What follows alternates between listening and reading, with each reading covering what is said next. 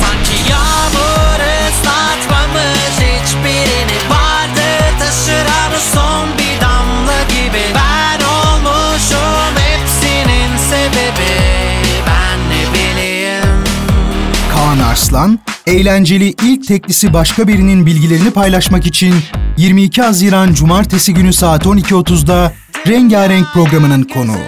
Kaçırmayın.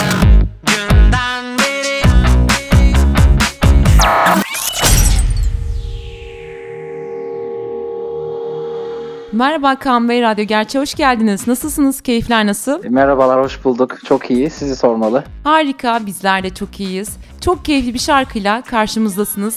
Biz bayıldık ama şarkıya geçmeden önce henüz seni tanımayanlar için bize biraz kendinden bahsedebilir misin? Kaan Arslan kimdir? E tabii, e, ben Kaan Arslan. E, çok küçük yaşımdan beri müzik benim hayatımın en büyük tutkusu. E, çokça sayıda farklı enstrümanı çalarak çok büyük bir hevesle başladım müziğe. İlkokul öğretmenimin çaldığı mandolinle başladım. E, aradan yıllar geçtikçe e, müzik hayatımın en büyük parçası olmaya başladı. Akademik hayatım başka yerlere gitse de ben hep e, müzik yapmak istedim.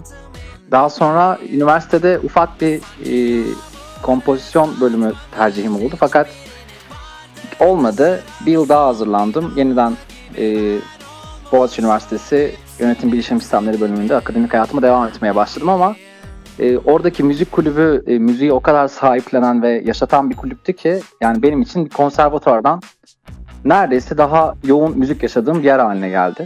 Koro şefliği yaptım, orkestra şefliği yaptım.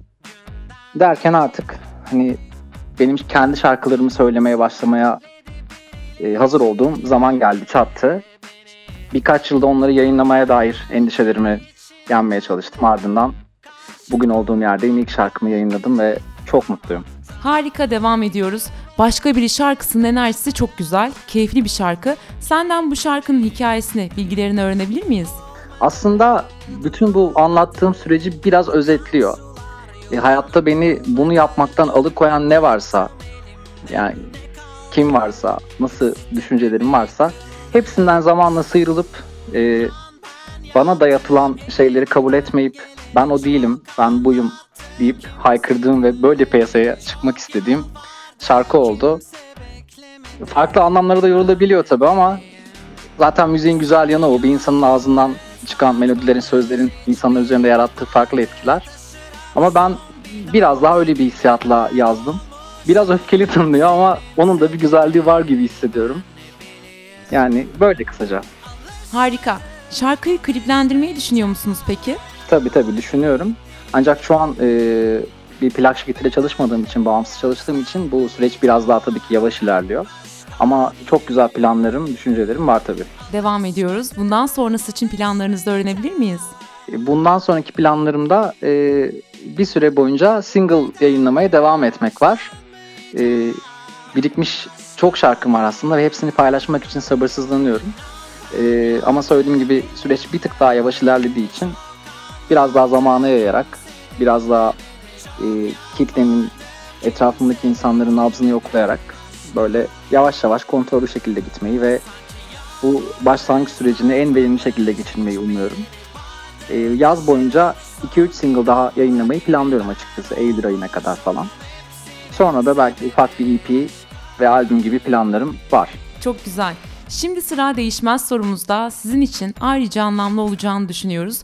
Samsun denildiğinde aklınıza neler geliyor? Ee, Samsun benim aslında memleketim. Annemin babamın doğduğu büyüdüğü yer. Benim de çocukluk yıllarında çok sık gittiğim Bafra'dayız biz. Ee, bir şehir.